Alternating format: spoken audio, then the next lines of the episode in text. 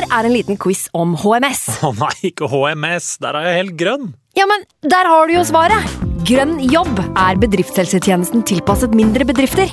Våre HMS-eksperter hjelper mer enn 8000 bedrifter over hele Norge med alt fra lovpålagte HMS-krav til pålegg fra Arbeidstilsynet. Få på plass bedriftshelsetjeneste på grønnjobb.no. Hallo? Jeg kommer fra Oslo politikammer. Ine Jansen er purk. Er du purk? The motherfucking bitch. Alt jeg vil, er å finne ut hva som skjedde med mannen min. Jon Carew. Er jeg sikta for noe? Iben Akeli. Det er du. Ole So, Lars Berrum og Big Daddy Karsten. Hvem sin side er du på, egentlig? Anette Hoff, Tone Danielsen, Kommer du fra Afrika? Jørnis Josef, Nesten. Kløfta. Trond Espen Seim, Det er synd å si det, men det var feil mann som døde. Purk. Premiere tirsdag på TV2 Play.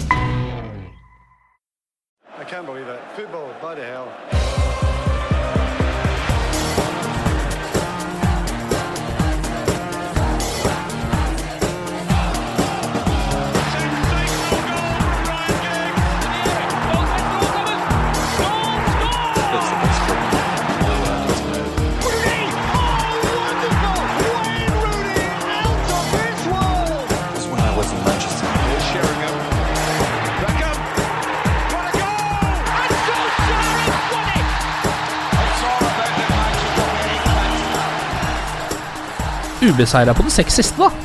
Seks strakk uten tap. Eh, Nei, men Jeg kjenner at jeg har et voldsomt behov nå for å trekke fram noe positivt. Fordi de stadige 1-1-resultatene, det er som insomnia. Man er liksom våken, beveger seg, men alt er bare tåke. En litt sånn jevn summing. Fin fotball, sier man da. Eh, monotont, nesten uten følelse. Fin fotball. liksom å stirre på et veldig vakkert maleri som man ikke forstår noen ting av. Fine farger. Jeg føler ingenting. Oi, mål! Yes, yes, yes, yes, Zlatan! Ja, straffe imot, ja. Men så skal det jo også så lite til, da. For at man våkner til, og veien dit er ikke så lang. Fordi spillerne våre nå, de sover absolutt ikke. Jeg syns de ser mer tente ut enn på mange år, egentlig. Um, og det er så mange ting akkurat nå som er så gode, som vi kan bygge videre på. Og jeg tror helt oppriktig, da, helt fra bunnen av mitt akkurat nå, riktignok litt slappe, litt sakteslående røde hjerte, så tror jeg at pila, den svinger oppover. Og den tror jeg, håper jeg du deler med meg, fordi vi er sammen, og vi er mange. United We Podcast. Dagens overskrifter Hashtag Feilaini. Kan det snu på søndag? Det er Spurs-målet. Den er Ja, ok, ja, vi tar med den også. Og hvem er tidenes United-spiller? Vår kåringscup starter endelig i dag. Jeg heter Ken Vasenius Nilsen. I dag har jeg med meg sportsjournalist Vegard Flemmen Vågbø. Velkommen til deg. Takk skal du ha. Og Warner Brothers-produsent Andreas Hedemann. Velkommen til deg også. Takk. Jeg visste ikke at jeg var med i United We Puncast, men det er jo hyggelig at jeg får lov til å være med i dag òg. Eh, til opplysning, så pga. publiserings- og innspillingstidspunkt, så blir det mest fokus på Premier League i dag. Og på den forrige ligacupkampen, eh, mer europaligafokus. Altså Soria-kampen blir det i neste uke, for den begynner om en time. Hvis den i det hele tatt begynner, det vet vi ikke helt ennå, men det kan vi ikke si altfor mye om, for nå vet vi ingenting om det. Eh, vi kan jo starte med det deiligste, nemlig ligacupseieren mot Westham. Uh, vi er i semifinalen nå. Eh, Der er det vel to legs eh, som vi skal gjennom. Cupene blir jo viktige nå.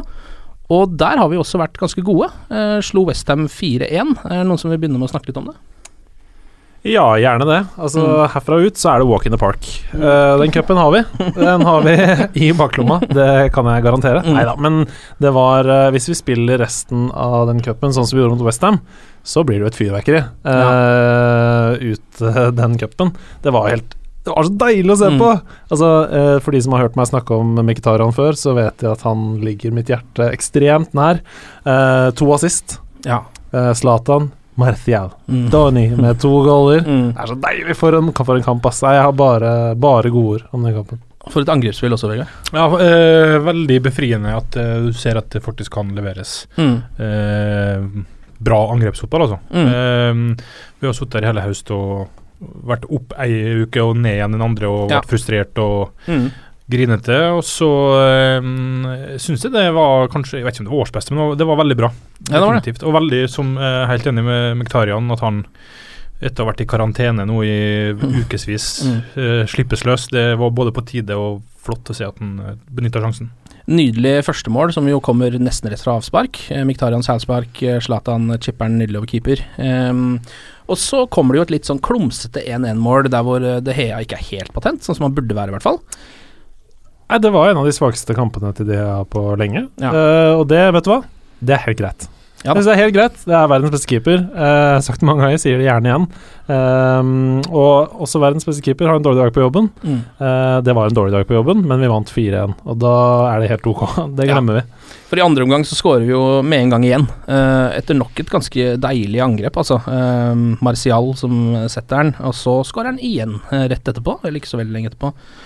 Zlatans pasning der til Valencia, eh, og så ut til Marcial Martial. Det, der, der, der har du liksom geniet Zlatan Ibrahimovic, som vi ikke har sett alltid, men som når han du først dukker opp, blir ekstra glad. Det er en symfoni, Ja. og han er komponisten. Han er det, det er ikke noe tvil om det. Eh, og så er det jo André Lella også med et nydelig forspill, og Zlatan får satt sitt siste for dagen. Eh, Schweinsteiger fikk seg noen minutter. Var det noen som fikk eh, sett noe ordentlig på han, eller? Eh, jeg kan ikke Jeg føler meg ikke Nei. Nei, men det er, liksom, det er så lite at hva mye kan man Mm. eventuelt konkludere på. Da. Men jeg syns det, det er bra at den er inne igjen, egentlig. da. Eh, Ja. Ikke at det er noen sånn kjempestor favoritt, men jeg vil heller bruke han enn uh, andre spillere som blir brukt. som, som vi kanskje kommer tilbake til. Det gjør vi nok. eh, Jeg, jeg bare, det, det øyeblikket, det fikk jeg ståpels av uh, når han kommer inn der. Det er liksom 'everybody loves a comeback', som Mm. han snakker om. Uh, og rapportene går jo på en enorm treningsvilje, en slags eh, Og aldri noe klaging i media. Eh, ønsker å bevise at han har en plass i laget.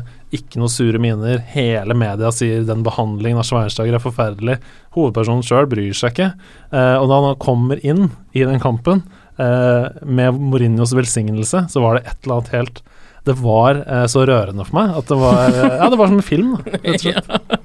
Ja, men han er jo Jeg også har jo eh, tenkt at nå som vi trenger litt sånne vinnertyper i laget, så er det sikkert lurt å bare ha han i garderoben, eller på benken. eh, Så han han trenger ikke å spille så mye eh, hvis han ikke er god nok. Det vet jeg jo ikke, for jeg har ikke sett han spille nesten. Men en sånn eh, den, En eh, verdensmester, da. Aldri dumt å ha det i troppen. Nei, og han er jo superproff. Ja.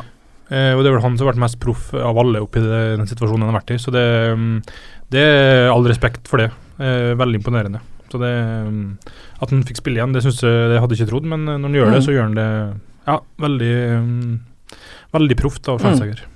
Og så må vi jo da over på Everton-kampen. Eh, forrige Premier League-matchen vår. Eh, alltid deilig med en liten 1-1, da. Jeg blir aldri helt lei av det.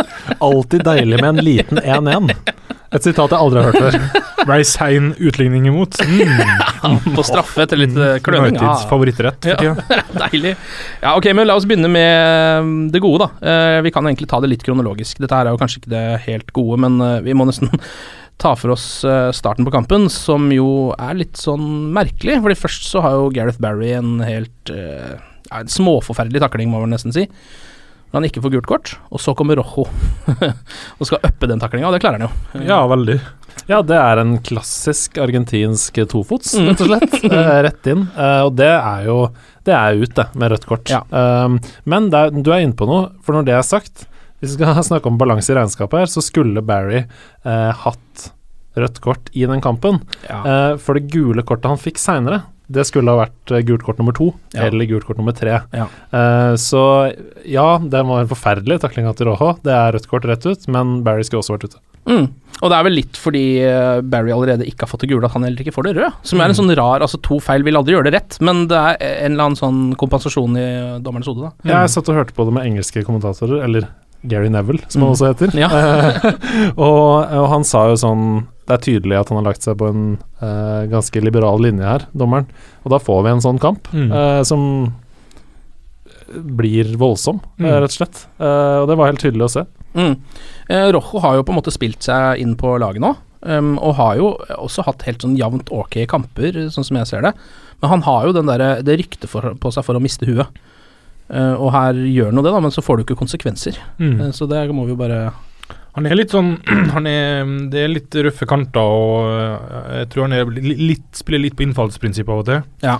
Men øh, jeg syns jo han altså Hele den forsvarsfireren gjør det jo så bra som man kan forvente, egentlig, uten at de aldri har spilt sammen noen gang. Ja. Med både Småling ute og Bailly ute og øh, Shaw i fryseboksen og ehm, Så at de fire gjør det relativt sett såpass bra, det syns jeg um, kred for det, altså. Eh, jeg hadde ikke sett for meg at uh, Rojo og Ja, Jones. Og Jones skulle bli midtstopperparet vårt, men Nei. eh, nå er det en gang sånn. Nei, jeg snakka om før sesongen at Rojo var førstemann ut, uh, og helst til jul. Eh, Det har jeg trukket tilbake. Rojo er jo, han kunne jo spilt hovedrollen i den Goal-filmen. Han er liksom fra gettoen i Argentina, Buenos Aires, kommer opp. Uh, så jeg tror vi skal kutte han litt slack òg, når han greier å holde temperamentet tilbake. Må huske at han har liksom fighta med kniv da han var barn, for å få ballen. Uh, så ja. En Diamanttatoveringen, den avslører mye. Verdens mest met nei, mak maskuline metroseksuelle jeg har sett. Han er, Ja, det er kanskje det, han er en kombo av det, meste. Ja, Maskuseksuell, eh, Mm. rett og slett. Absolutt. Um, vi må jo kose oss litt med målet til Zlatan Ibrahimovic, som jo er som å uh, se på basketballen og ballen ruller oppå ringen, og du ikke har peiling på om den kommer til å gå ut eller inn, eller hva som skjer, Mm. og tida bare står helt fullstendig stille. Mm. Hvordan, hva tenkte dere idet ballen spretter rundt på streken der? Nei, det var uh, ulidelig. altså Det sekundet sikkert, eller hvor lenge det var. da Ja. um, Og sjøl når han begynner å juble, så er du ikke sikker før du har Mm. fått sett reprisen. Mm. Selv, øh, altså Først da ser du at å ja, ballen er faktisk uh, over. Ja, og ganske Det var- klart også, egentlig. Ja. Ja, men den har en sånn skru utover, som Mm. gjør at jeg skjønner at alle kan bli lurt av det. Mm. Og jeg tror uten goal line technology, så tror jeg ikke den hadde blitt dømt inne, altså. Nei, ikke sikkert Det Den ser ikke logisk ut at den skal være inne, eh, Mm. for det blotte øyet, da. Det var så gøy. Jeg tror jeg jubla tre ganger eller i løpet av den skåringen. Ja! Eh, men, men det er liksom um, litt heldig, som vi snakker om, med backspin på den ballen. Men samtidig, er vi, all, er vi noen gang heldige med Zlatan? Eller er alt kalkulert? Ja, det er jo vanskelig å si. Er dette egentlig et sånt en ting han gjør for å skape spenning? er det dramaturgi i alt han gjør? Jeg vet ikke. Det kan nesten virke sånn. Vi må kanskje hylle mannen litt også. Han har jo fått litt kritikk eh, faktisk av United-supportere, men kanskje mest av engelsk presse. For at han liksom ikke har vært eh, bra nok, ikke skåret på nok av sjansene sine. Men nå kan vi jo ikke klage lenger. Nei, synes, nå syns jeg han ser bra ut. Ja. Eh, nå skårer han jo i hver kamp han spiller, og eh, mye mer enn det han gjør nå, kan man jo ikke forlange, på en måte. Eh, så jeg syns Zlatan akkurat nå er, er veldig, veldig bra. Nå er han vel eh, topp Altså helt i toppen i Premier League, sammen med rett bak Costa og sånn, og Mm. McCain og ja. Mm. Så veldig, veldig, veldig bra, syns jeg. Jeg syns Ja. også han virker som en nøkkel til store deler av angrepsspillet til United. Mm. Altså sånn link-up-spillet deres. Um, på en liksom helt annen måte enn jeg har sett han for eh, PSG og sånt noe før.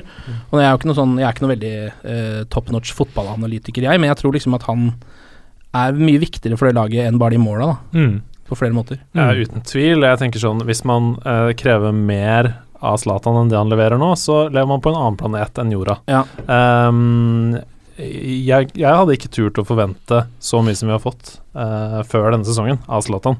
Uh, og den impacten han har i garderoben uh, og utad, kommersielt, den er helt uvurderlig. Mm. Um, så vi må aldri, vi må aldri glemme de, de tingene som Martial, som Rashford sier om å få lov til å spille med Zlatan. Mm. Det betyr helt enormt mye for dem, eh, og du ser at de vokser av det. Så det er for meg viktigere enn en målene han skårer. Mm. Ja. Syns det er veldig fint at han er bare bankers på laget uansett. I den perioden der det kanskje gikk litt trått, så er det bare Zlatan spiller uansett. Ja. Sånn er det. Um, og det syns jeg egentlig um, Det er ganske ok, syns jeg. ja, for han har jo bevist at det var en grunn til det. Mm. At han har kommet seg tilbake på det Mm. nivået han burde være på, da. Og det gir jo, i den grad han noen gang er usikker, da, så gir det jo han en trygghet òg, og så gir det de andre på laget en trygghet om at han spiller, og da er det opp til oss å bli vant til det, eller ja, Ja. tilpasse oss, eller Mm. Mm. Ja, for jeg, bare, jeg føler litt at uh, måten han spiller på gjør at vi kan spille så vakker fotball som vi gjør nå. På en måte, For vi spiller jo veldig fin fotball nå, i hvert fall uh, tidvis.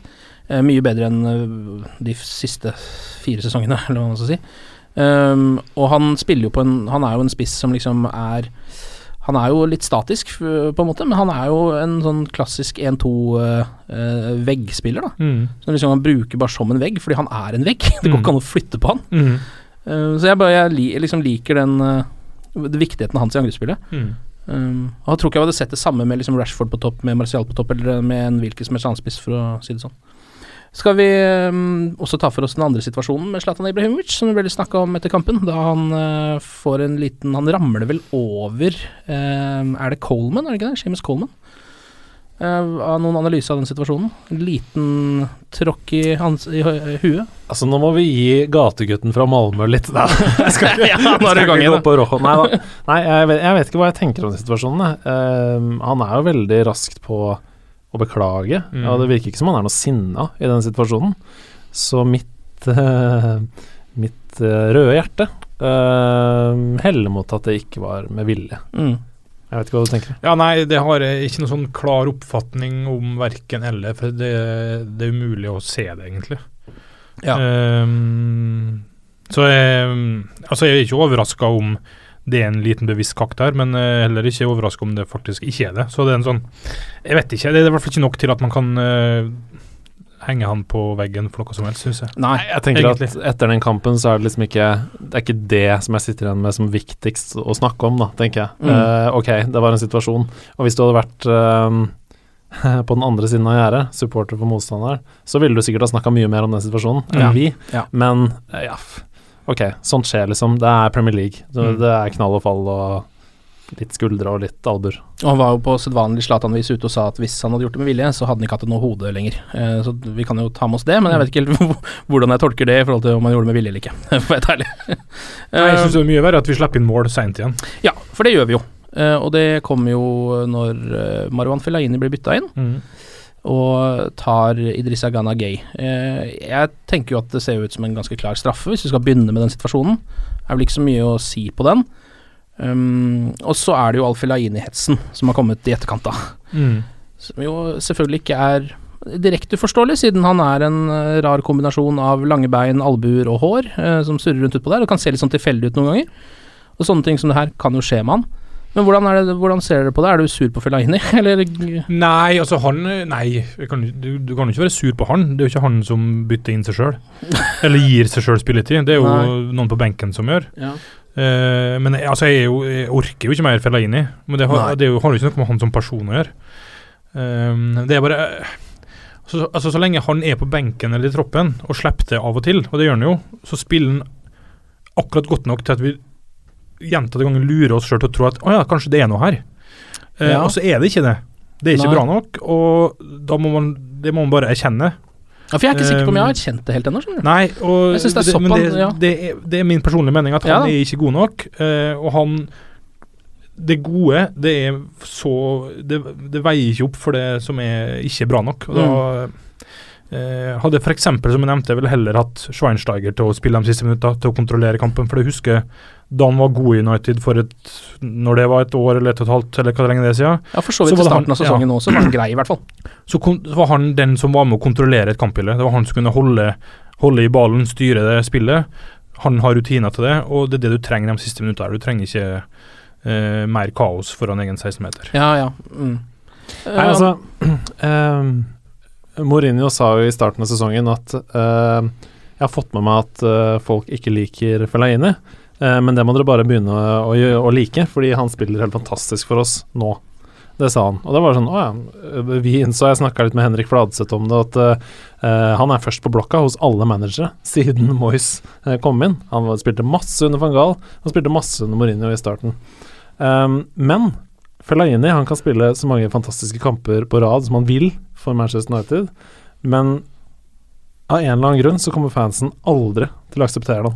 Med en gang det skjer noe, så er vi på. Og jeg tror det er fordi det minner oss om David Moyes, og det minner oss om det horrible transfer-vinduet, hvor vi så for oss at vi skulle få Schneider og store spillere, og fikk Fellaini på deadline day, Mm. og det var det vi fikk. Ja.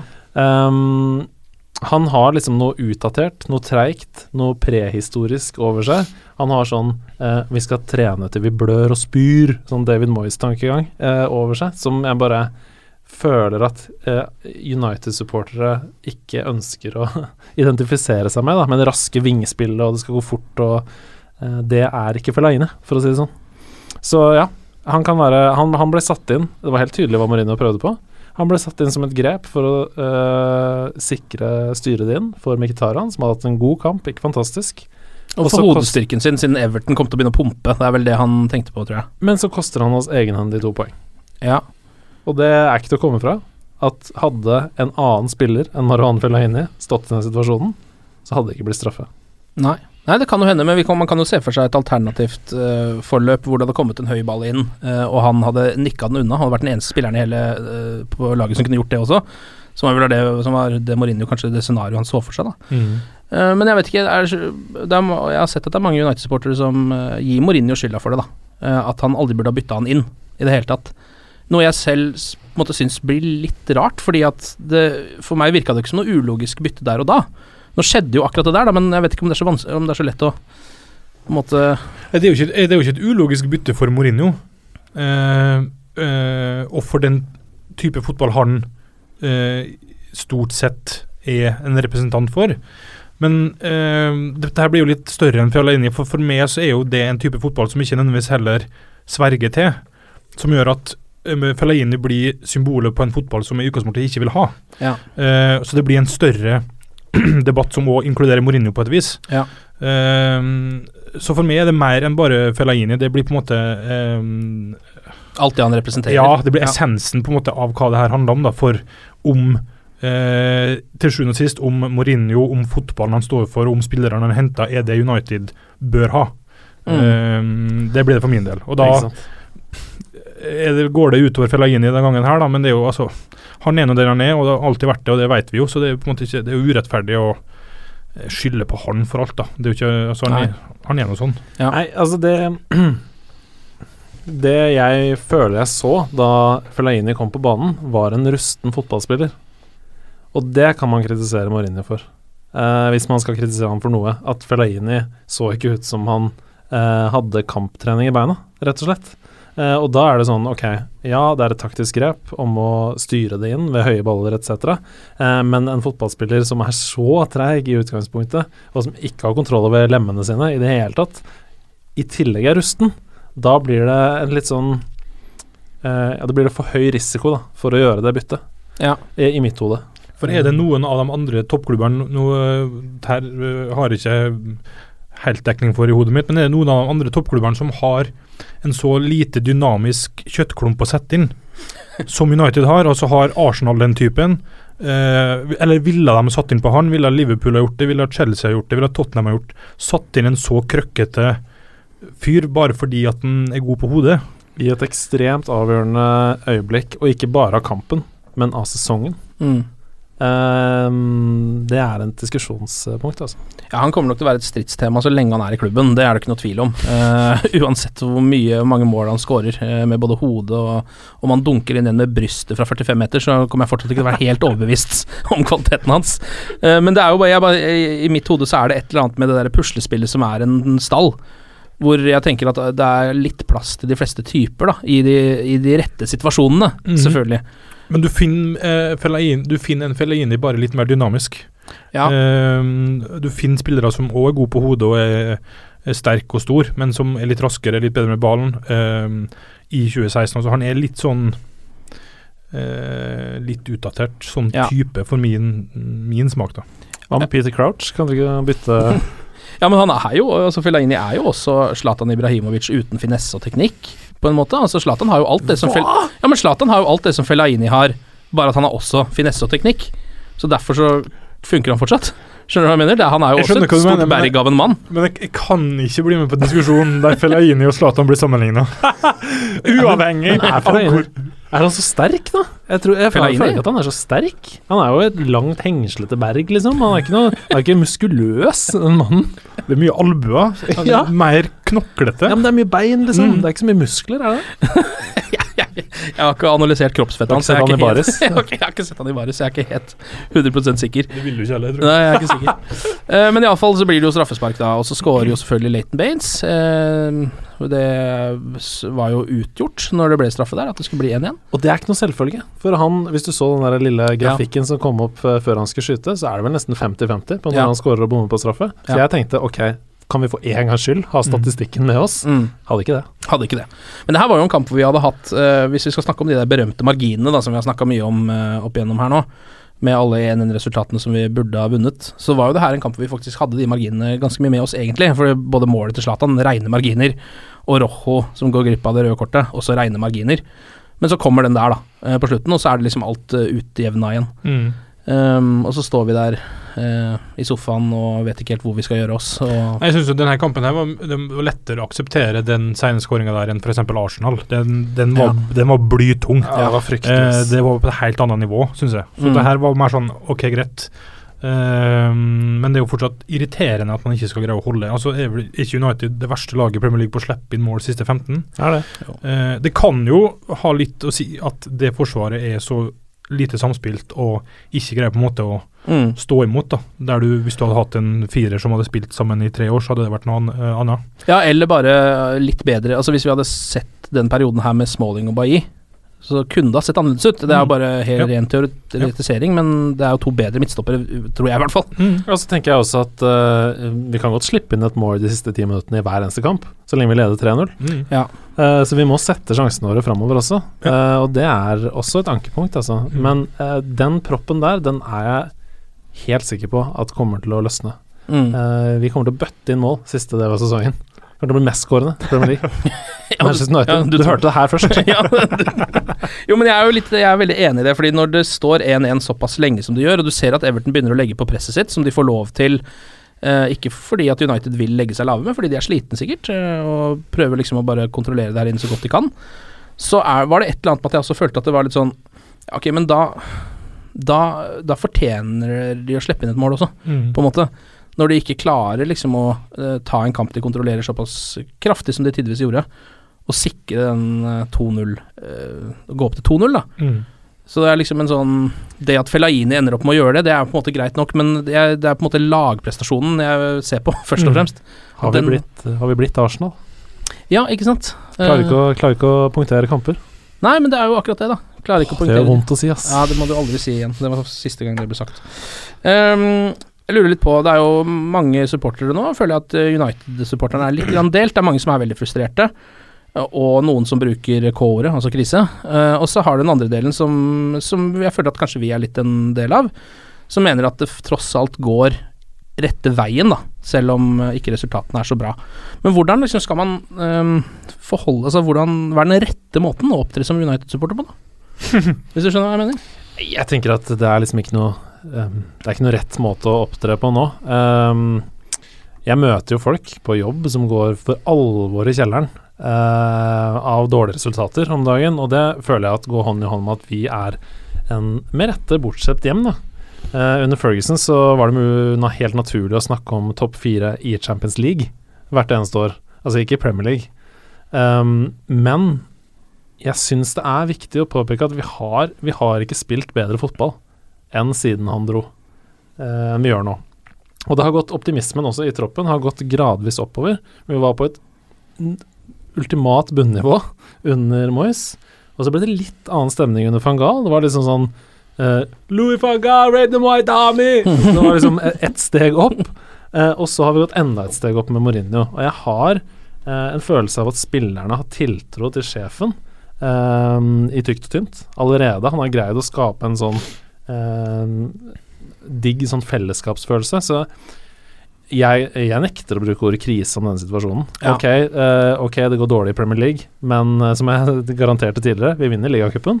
Eh, og jeg tror også vi kan ha stor sjanse for å vinne Europaligaen. Og hvis vi gjør det, så har vi vel plass i Champions League neste år, har vi ikke det? Jo da, Mm. har det.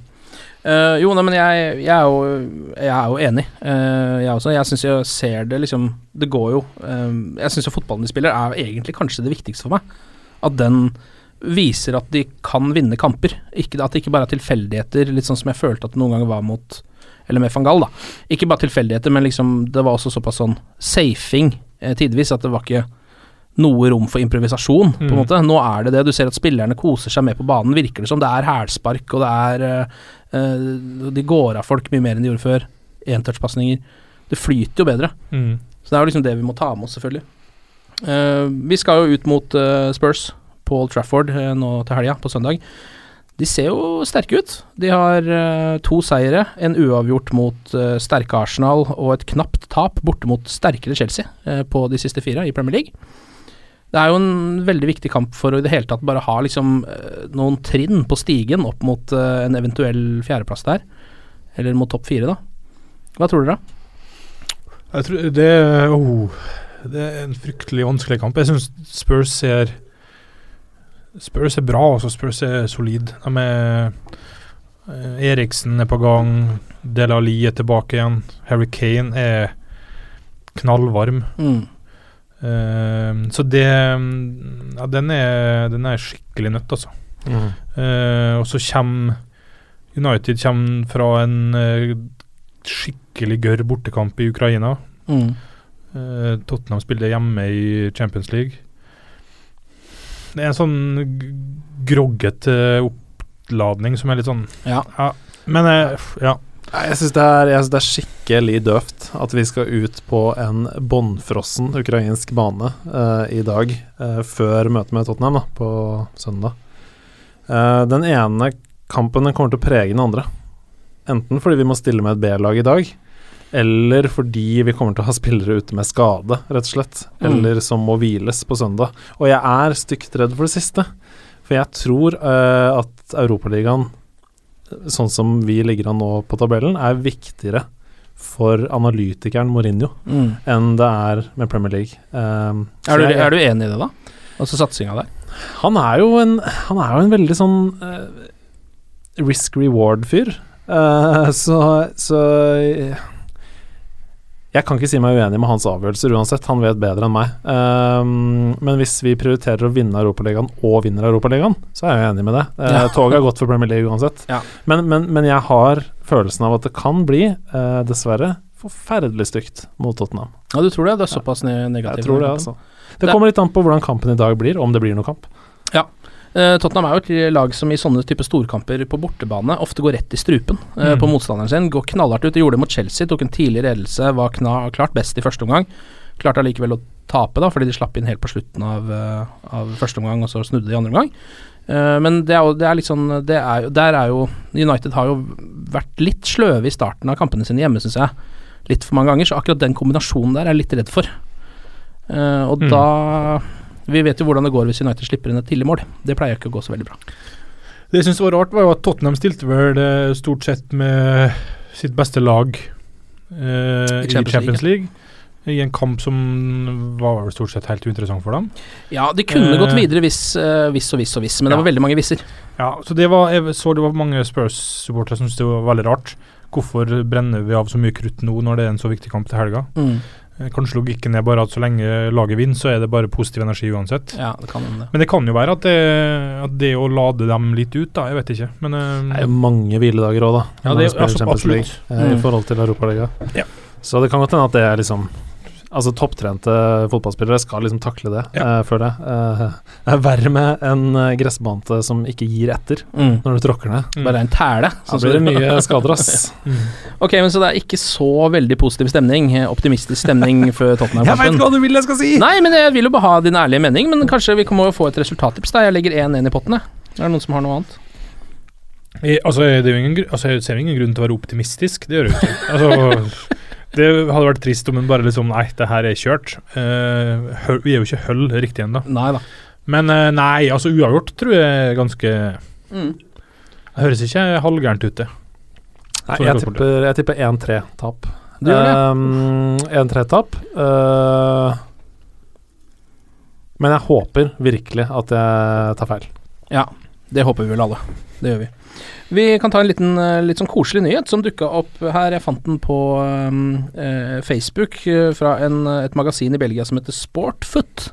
Eh, og der er det da et intervju med Romelu Lukaku, eh, som da før Paul Pogba eh, gikk til United, så var de i USA sammen og så på basketball eh, og hadde ferie. Eh, og de henger visst mye sammen, de har samme agent, blant annet. Og da eh, sa Lukaku det, at den dagen Pogba fikk vite at han var klar for United, så har han aldri sett han så glad noensinne. Hm. Uh, han var smilte altså fra øre til øre. Uh, det syns jeg er så koselig. Det er så koselig! Åh, det var godt at du sa. Ja, men Er ikke det deilig? For det er en, så, en så, såpass stor stjernespiller som det. Og jeg syns det også forklarer litt Jeg vet jo at han er jo en type som har det kroppsspråket som han har hatt i de dårlige kampene sine, har han jo hatt i for Juve og sånn også. Men jeg syns det forklarer det litt, fordi den mannen har så mye han vil gi. Og når det ikke går, så skjønner jeg at man blir litt frustrert, da. Nå skal jeg vise hvor følelsesstyrt det er. Vi kommer til å vinne 2-0 mot Tottenham Ja, det eh, på, på Ja. søndag. Der ser du det. Det er sånn det skal være. En annen gladsak er jo at Jon Martin Henriksen er i Ukraina. Ja. eh, Er det sant? Ja. Det er en gladsak, og han reiste i går kveld og måtte tre-fire flyturer dit, togtur gjennom hele Ukraina på natta til Odessa. Eh, og så fly hjem igjen midt på natta etter kampen i kveld. Ja. Eh, fra, en krigs, fra et krigsherja land. Eh, så all kred til Jon Martin og eventuelt reisefølget. Det er Jeg vet ikke om det er kred, for jeg syns det sier noe om intelligensnivået hans. absolutt skremmende. Men det er antagelig den sykeste turen han har vært på så langt. Dette er han har vært på mange. den letteste bookingen til neste, neste podkast. Ja. Han må rett inn. Ja, han skal rett inn til neste gang. Eh, Han uh, fikk jo også masse advarsler, fordi alle supportere som nærmer seg uh, Odessa, blir jo banka opp. Ja. uh, så, men han skulle, han skulle prøve å gjemme seg, sa han. Eh, og han har jo Han har ikke så veldig sånn engelsk utseende, så kanskje han kommer unna med det. Eh, vi skal i gang med kåringscupen, som jeg nå nettopp har satt opp. Det er jo da på tide å begynne å kåre tidenes United-spiller. Intet mindre. Nå har vi eh, 16 finalister, 16 spillere. Jeg har laget da en slags, eh, et slags sluttspill her, med åttendelsfinaler, hvor to spillere møter hverandre, og så går det helt til finalen. Til slutt så sitter vi igjen med én, da. Jeg tenkte kanskje vi kunne ta to av dem i dag, for å liksom komme ordentlig i gang. To åttendelsfinaler. Jeg kan lese opp åttendelsfinalene, så dere har oppsettet foran dere. Gary Neville mot Cristiano Ronaldo. Ole Gunnar Solskjær mot Roy Keane. Duncan Edwards mot Ryan Giggs. David Beckham mot George Best. Wayne Rooney mot Dennis Law.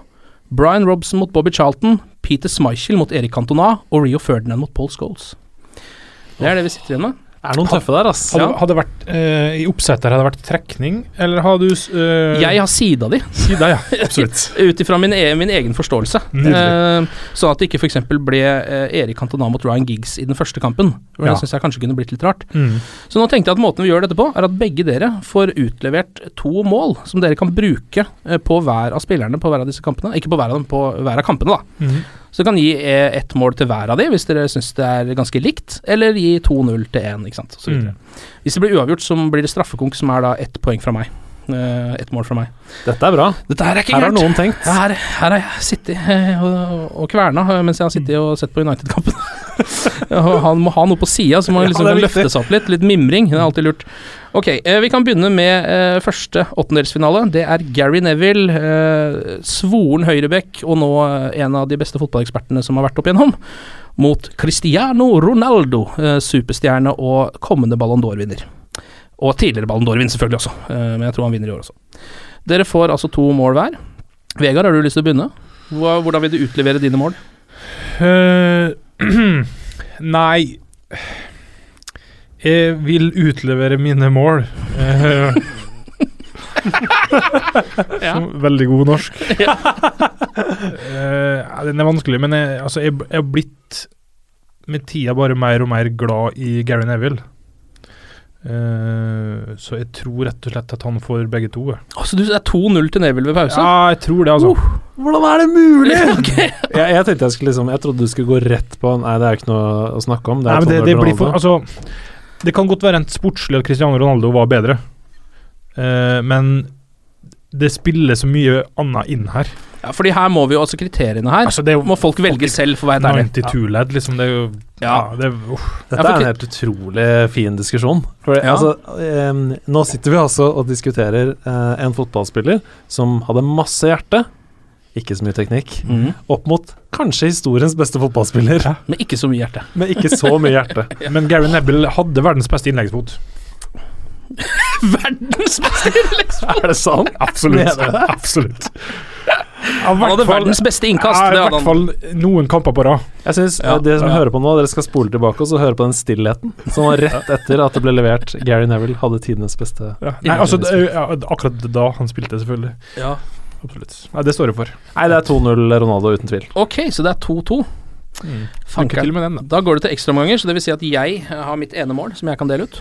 Det er litt sykt hvis Gary Neville ryker ut allerede. Ja, det kan du si. Eh, Jeg syns jo det er litt sykt hvis Cristiano Ronaldo rykker ut allerede også. Ja, det er du som satte opp, da. Ja, jeg vet det. Så det Jeg lurer på, om- fordi Nå må jeg begynne å legge fram de kriteriene. Nå er det såpass avgjørende her at jeg må tenke kriterier. Altså Gary Neville um, Mange flere sesonger, selvfølgelig. Mange flere kamper for United. Ehm, mye lavere på en måte på verdensrangstigen, hvis man skal si det sånn. Det var jo Grunnen til at han spilte så mange kamper for United, var jo også at det var aldri snakk om at noen skulle kjøpe han. Det var ikke sånn at Real Madrid la inn eh, bud på Gary Neville, selv om han hadde vunnet alt hver eneste sesong eh, i mange år. Um, Det var ikke noe blank sjekk der, som med Scholes. Nei, det er akkurat det. Så eh, jeg syns den er vanskelig, altså. Men jeg lurer på om jeg skal bruke liksom ta United-delen av det mer enn spillerdelen av det, siden dette er en United-podkast. så går det faktisk et mål til Gary Neville, altså. Det er skandale! Det er skandale! Da er det 3-2 til Gary Neville, og han er altså videre til kvartfinalen. Uh, hvor Ring han, VG. Her må vi stoppe pressen umiddelbart. og der skal han da uh, møte vinneren av den neste kampen vi skal ta nå, som er Ole Gunnar Solskjær, det eneste norske bidraget her, mot Roy Keane. Vil du begynne, Andreas, og dele ut dine to mål? Åh, den syns jeg er helt uh, forferdelig vanskelig. Fordi uh, sånn personlig så er liksom Jeg ser at du drar deg i fjeset uh, ved siden av meg. For, um, personlig så er vel kanskje Ole Gunnar Solskjær mye av grunnen til at jeg er United-fan. Mm. Parallelt med en um, ekstremt engasjert far. Men Roy Keane, da. Symb altså, den tryggeste mannen Altså, symbolet på krigeren som på en måte um, Det var samme om vi vant eller tapte. Hvis vi hadde Roy Keane på banen, så gikk det altså Da var det liksom greit uansett. Vi hadde en trygg kaptein, en trygg far, som holdt rundt alle de andre spillerne og verna dem. Det er rart at man kan kalle den mannen trygg, men jeg Ja, men, men du skjønner, altså det er oss mot dem da igjen. Ja, Altså Åh, det syns jeg er fryktelig vanskelig. Kan vi få noen andre inn uh, på Du husker at du kan uh, gi én til hver også? Ja, men jeg må høre noen andre Ja. argumenter. Et, altså jeg, jeg tror rent objektivt sett eh, rent, Altså, så er Så er mm, Jeg tror man blir farga av, og på mange måter kanskje rett, at Solskjær avgjorde den Champions League-finalen. Ja. Eh, eh, men sånn rent sånn Greier man liksom å se litt vekk fra det, så for meg sånn som spiller og som innflytelse på United da, og den generasjonen Roy Keane spilte, så Altså, han Jeg, altså, jeg, jeg, jeg greier ikke å se for meg det, den, det laget, den generasjonen, uten Roy Keane. Eh, jeg, jeg greier ikke å se for meg at Ferguson hadde greid å bygge det laget uten å ha Roy Keane. Uh, det hadde han greid eh, uten Ole Gunnar Solskjær. Ja. Uh, så det er, litt, det, er, det er litt sånn kjedelig argumentasjon, men bare, altså Roy Keane i spillertunneler på Highbury altså Han bare Borte mot Juventus i semifinalen Det er bare Altså, det, altså han er for hell. Det er Roy Keane. Mad Max Um, så det Ja, jeg, tror jeg havna på 2-0 til han uh, for min del, da. 2-0 til. Keane. Ja, for, jeg tror jeg gjør det også. Nå kom jeg det i forkjøpet, men uh, Det var ikke meninga, det, men jeg bare Ja, men det er bra, det. Altså, jeg, jeg kan uh, male opp et bilde av hva jeg står mellom her. mm, For jeg står mellom 2-0 Solskjær og 1-1. mm. Det er det jeg står mellom. Um, så jeg kan Jeg har mulighet til å avgjøre, Mm. eller uh, ikke. Um, jeg syns Haaland-episoden var forferdelig, Mm. rett og slett. Uh, fra et helt objektivt øye. Mm. Um,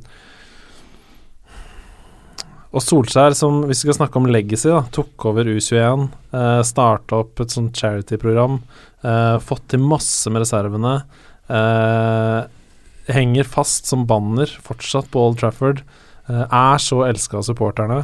Eh, og hvis det ikke hadde vært for Solskjær, så hadde sannsynligvis norsk fotball sett helt annerledes ut. Det er lov å være litt Um, nasjonalistisk også. Altså. Ja, for jeg Absolutt. tenker, jeg tenker ehm, Men det, det smerter meg i hjertet å ikke gi Roy Keane en fotball, så jeg må gi 1-1. 1-1. Da blir det 3-1 til Roy Keane, og han skal møte Gary Neville i kvartfinalen. Det her er, det her er, det her er bra greier. Hvilken idiot som har satt opp den konkurransen her! Ja, men det er jo drita vanskelig. Se Lee mange Sharp er jo ikke Se- med engang! What?! Se hvor mange gode spillere det er! Det er jo helt umulig. Ah, der skal vi kose oss med eh, resten av sesongen. Det her blir bra. Gå gjerne inn og gi oss en liten rating i iTunes. Eh, bare vær helt ærlig, og vi leser det som står der, og prøver å ta det med oss. Um, og så krysser vi fingrene for eh, Spurs-kampen på søndag. Glory, glory.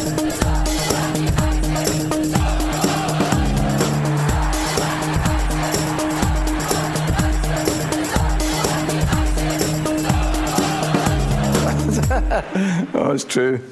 I've seen many things. Ukens annonsør det er matkasseleverandøren Hello Fresh. Der kan du velge mellom 25 ulike oppskrifter hver uke, eller få Hello Fresh til å sette sammen en meny for deg. Jeg sparer tid på å handle, oppskriftene er veldig enkle å lage, og så får jeg akkurat det jeg trenger da, til hver eneste rett, så jeg slipper å kaste så mye mat som jeg vanligvis gjør. Det er også litt deilig å faktisk slippe å gå på butikken, ikke bare fordi det er tidkrevende og sånn, men fordi man ender opp med å kjøpe så mye greier, som man egentlig ikke trenger, sånn som fire poser eh, Smash og en kick med havsalt, f.eks. Det er ikke det du egentlig er der for, du er der for å kjøpe, kjøpe middag. Så det er en veldig eh, kjekk ting. I tillegg så er det jo eh, ferdigporsjonerte ingredienser, det blir mindre matsvinn, og du betaler bare for det du faktisk trenger, og det du faktisk da spiser. I tillegg så blir det da levert på døra. Eh, til et fastsatt tidspunkt, sånn at du kan få det akkurat når det passer for deg eh, sjæl. Hvis HelloFresh høres ut som noe for deg, så har jeg en rabattkode du kan bruke også. Gå inn på hellofresh.no og bruk koden HelloUnited24. HelloUnited i ett ord, også 24, og få opptil 1779 kroner i rabatt på de fem første matkassene dine hvis du ikke har prøvd HelloFresh ennå. Du kan også bruke koden hvis du tidligere har vært kunde, men har stoppa abonnementet ditt for tolv måneder siden eller mer. Det er ingen ingen bindingstid, og du kan pause eller avslutte abonnementet ditt akkurat når du selv måtte ønske. Husk koden HelloUnited24, og bon appétit! Ukens annonsør er Folio, en smartere banktjeneste for deg som har en egen bedrift eller ønsker å starte for deg selv. Folio er en superenkel nettbank for bedrifter. Som kunde i Folio får du en bedriftskonto med et bedriftskort og app. I denne appen er det smarte løsninger som forenkler regnskapet ditt, uansett om du har en liten bedrift eller et enkeltpersonsforetak. Folio er både intuitivt og brukervennlig, og er laget med et enkelt språk. I tillegg tilbyr de forutsigbare priser og ingen skjulte gebyrer. Skulle du likevel trenge det, så kan du snakke med deres raske og hyggelige kundeservice, og der får du prate med en faktisk person og ikke en chatbot. Folio er med andre ord både enklere og koseligere enn banken. Over 10 000 bedrifter har allerede valgt Folio som sin banktjeneste, så besøk folio.no og se hvordan Folio kan forenkle din hverdag også. Har du et enkeltpersonforetak eller en liten bedrift? Da er du sikkert lei av å høre meg snakke om hvor enkelt det er med kvitteringer og bilag i fiken, så vi eh, gir oss her, vi. Fordi vi liker enkelt. Fiken superenkelt regnskap.